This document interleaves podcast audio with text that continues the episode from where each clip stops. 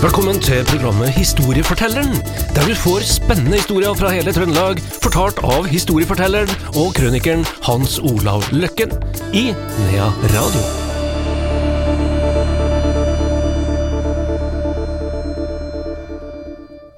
Historiefortelleren er tilbake. Det skal handle om eh, ja, det skal handle om både kunst og mer til. Vi skal til Selbu, Hans Olav Løkken. Ja, vi skal dit uh, til slutt, mer eller mindre, da. Så ja. havna vi i, i, på Selbustranda. Men uh, vi får begynne med de her uh, kildene som er så gode å ha her i livet. Og det var en jeg kjenner, da, som heter Ole Johan Wold. da, Han bor nå i Selbu. Han jobba på Stjørdal i mange, mange år. og og er jo på Stjørdal jeg tror det er nesten hver onsdag, hvor han kjører sin tur og besøker bror sin, som fikk slag. Og de er ute og tar seg en kopp kaffe, da, og dette har vi gjort nå i flere år, da. Jeg kjenner jo godt broren og, og hele familien. da. Sønnen i huset driver jo et sånn traktormuseum bort med Værneskirka. Ganske kjent, lite museum. Og han Ole Johan Wold han er veldig ivrig, kolossalt ivrig, og er innom med av og til, og har flere saker som ligger og venter og sånn, da. Så han fortalte meg, da, her, det er mange år siden nå, at han fortalte meg da om en person som drev og tegna penger. Og vet, Da tente jeg på alle plugger, jeg, og begynte å undersøke litt, og skulle få det her bekrefta. Og, og, han fortalte meg, han kom til og med med noen av pengene, en kopi av, og det var jo ikke så vanskelig i ettertid å få tak i, for de pengene er jo utstilt på eh, Kriminalmuseet i Trondheim, som ligger da i ei hvit bygning helt ute på Ila der, da. Så det, den kan ta sin tur der og se på greia der, da. Og jeg skal dit om ikke så altfor lenge og levere fra meg historia mi da, om det her, for det er visst ikke helt rett alt som, som, er skrevet før, da, her. Jo da, det handler altså om en fyr som uh, vokser opp da, og, og, og, blir voksen i, i, eh, på 30-tallet, kan du si, og som kanskje utvikla seg slik de ikke var forventet, da, her. Og eh, han blir jo da Omsider så blir det litt vanskelig for familien, og eh, det var ikke så mye hjelp å få, men via kommunelegen, da, distriktslegen som det het den gangen, da, så fikk de da lagt den inn på et av de her tre stedene, da. Det er jo enten Reitgjerd eller, eller Rotvoll og så Østmarka, da. Eh, så han var der og en liten stund og ble utskrevet og var innat og utskrevet og så videre og så videre. da. Og eh, så var det slik at eh, en del av den terapien den gangen, da, det var at eh, de kunne få utplassert noe til folkene på visse gårder. Så det var en del gårder som tok åt seg slike folk, hvor de da ble gående som dreng. Og Det var ikke noe sånn utnyttelse av noe arbeidskraft, må ikke misforstå sånn og sånn. Det var kanskje noe fornuftig i det, at istedenfor å sitte inne på en klinikk, så kom de ut og fikk jobbe litt og og det gjorde han her i personen som heter Leif, da. Han ble plassert på en uh, gård på Selbustrand, og han var flink til arbeidet. Han uh, skjønte jo at han hadde det ganske bra, han hadde et rom der, og uh, han hadde ikke noe særlig sosialantenner, og kom det folk på besøk, så, så gikk han heller stakk han opp på rommet. Og der hadde han en fem-seks penner, som han hadde da Han fikk jo betalt for å være hos han bonden, og og, og, og sånn. og Han hadde noen sånne spesialpenner, for han var så veldig interessert i å tegne. Han var så utrolig god til å tegne og male, så det var hans liv. Og så jobba han på gården. Og så var det det som virkelig skjer, da. Han begynte å tegne penger. Ordentlige penger, vet du. Og da brukte han noe stoff for noe mellomlag i sånne kraftfòrsekker. Vet ikke om du husker de her sekkene her, det finnes jo en dag i dag. Den hadde vel da en konsistens som gjorde at det var omtrent som, som papirpenger, da. Og han begynte å tegne pengene du, og klippe dem til, så det så jo ut som en uh, norsk femkroning, en uh, femtikroning og alt sånn, men det tok litt av for han. Han begynte å tegne beløp som ikke fantes. 10 000-kronersedler og sånn, ikke sant, det største seddelen var jo tusenkroningen. Vet ikke om du husker tusenkroningen, du bretta den ut som en duk. Ja, Forferdelig stor penge der. Og, så, så, så, det var så veldig korrekt, da.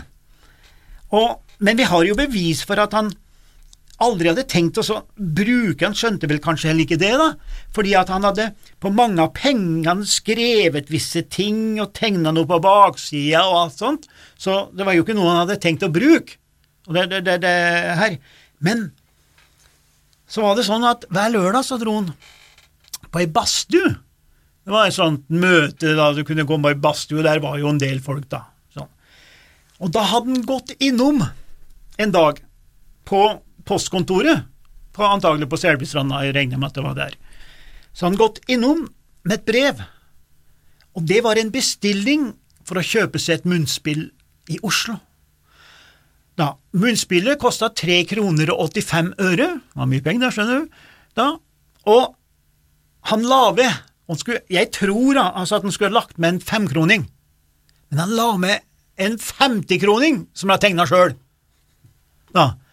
Men jeg, jeg, jeg, tror fortsatt at han la nedi feil, altså, her, for at han kunne jo det der litt med pengene og sånn, men han la ned en 50-kroning, så når den bestillinga med pengene inni konvolutten, som ikke var forbudt den gangen, eh, og, nå er vi jo på 50-tallet, kom fram til den personen og den forretninga i, i, i, Oslo, så ble den jo avslørt for hvem i all verden er som legger med en 50-kroning på den tida til noe som koster 3,85?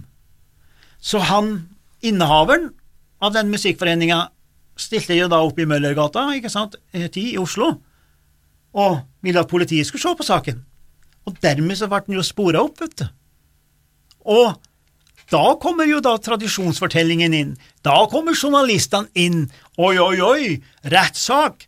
Jeg ble dømt til tegnerforbud, står det med store bokstaver, og det, de, de la jo på, vet du. Men jeg, som naiv som jeg, vet du, Andreas, jeg trodde på det, jeg. Så jeg trykte det jo, jeg at han var dømt til, til, til tegneforbud, og at han ble eh, utplassert og alt sånt, så jeg laga jo til en historie der, og som jeg da har fått bekrefta av veldig mange andre. Men det er ikke helt korrekt, det.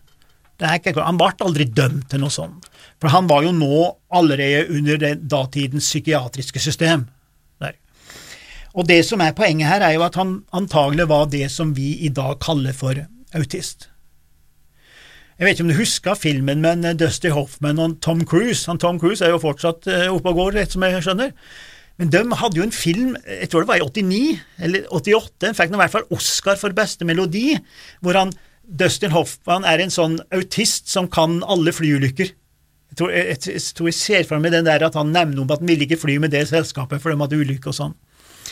Og så, så når jeg skjønte at jeg kanskje ikke fått de rette opplysningene, så klarte jeg å få tak i eh, rapporter fra psykiatrien og fra politiet, la sammen alt det der, og så fikk jeg jo en helt annen historie.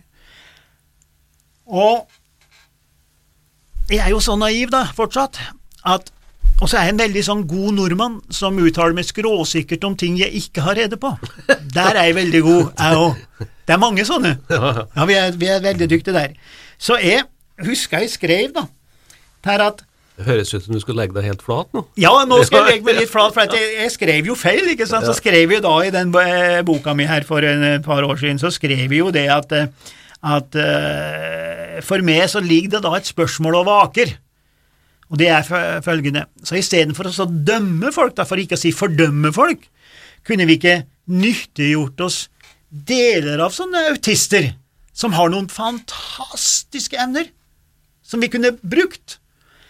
Så tenkte jeg at det var et godt spørsmål, Hans Olav tenkte. Men nå, nei. Så jeg tok da kontakt med noen andre her i samfunnet som er ganske oppegående. Blant annet en, eh, Lars Weiseth, som har vært mye på TV-en og er ikke så mye nå lenger, da, men er jo professor og han er jo trønder og, og, og, og, jeg kjenner han godt, og, vi har snakket sammen. og Han sier jo til meg at ikke bare han, men et par andre psykiatere òg, sier det at, at jeg, tenker, jeg, tenker, ikke feil, men vi må ikke se på en autist som en, en, en Det er bare, bare ett fenomen.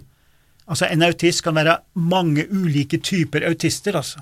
Og autister, det er det var, han, han, Leif han var jo ikke autist, for det var ikke noe som het autist når han var inne på 30-, 40- og 50-tallet. Det er noe som kom på 80-tallet, og som er inneholder mange variabler, da, ikke sant. Så den tanken jeg har, er vel kanskje ikke gjennomførbar, da, om at du kan trekke noe ut av det. Det er det samme som i mitt det jeg kan litt om, da. Ja, jeg, tror i hvert fall jeg kan litt om det. Innflyving og sånn, så har vi noe som heter G-kraft, ikke sant, det her med å tåle trykk og alt det der. Og Da har vi funnet ut at, at ei bitte lita jente, tjukk, tjukk, bitte lita tulle, er den som tåler mest G. Men hun har jo bare én fordel, og så genererer hun da ni andre ulemper ved siden av, så du kan ikke ta med inn likevel, hvis du skjønner poenget. Og sånn blir det litt med autisten òg. Han har selvfølgelig litt, men han har andre sperrer som gjør at den antagelig ikke kan brukes likevel. Så han blir på en måte gående der, da. Men har evner. Har visse evner. Og han du kaller Leif, han var jo en genialt god tegner, da. Veldig. Veldig god tegner. Og han, han var så god tegner at det her ble jo fremlagt på en sånn tegnefestival i Oslo. Eh, da, og hvor han fikk bare, jeg skulle si, som på sånn feshow at du får førstepremie og sånn. Og, og, og, og er veldig anerkjent sånn sett, kunstnerisk, da. Og, og, og blant tegnere, for tegnere, dem, dem kan tegne. De ser om det er god tegning eller ikke, det gjør ikke jeg og du, Andreas, men de ser det. Og de sier jo det, det sier tegneren min nå, som er ganske god til å tegne, at han var eh, sp spesiell, og, og, men datidens psykiatri kunne ikke på en måte fange den opp, da, mens tradisjonsfortellinga fanga han virkelig opp og dømte den til tegneforbud, som hun selvfølgelig ikke fikk. Han var altså direkte bare en pasient i psykiatrien. Og det var historien i dag. Historiefortelleren vår heter Hans Olav Løkken.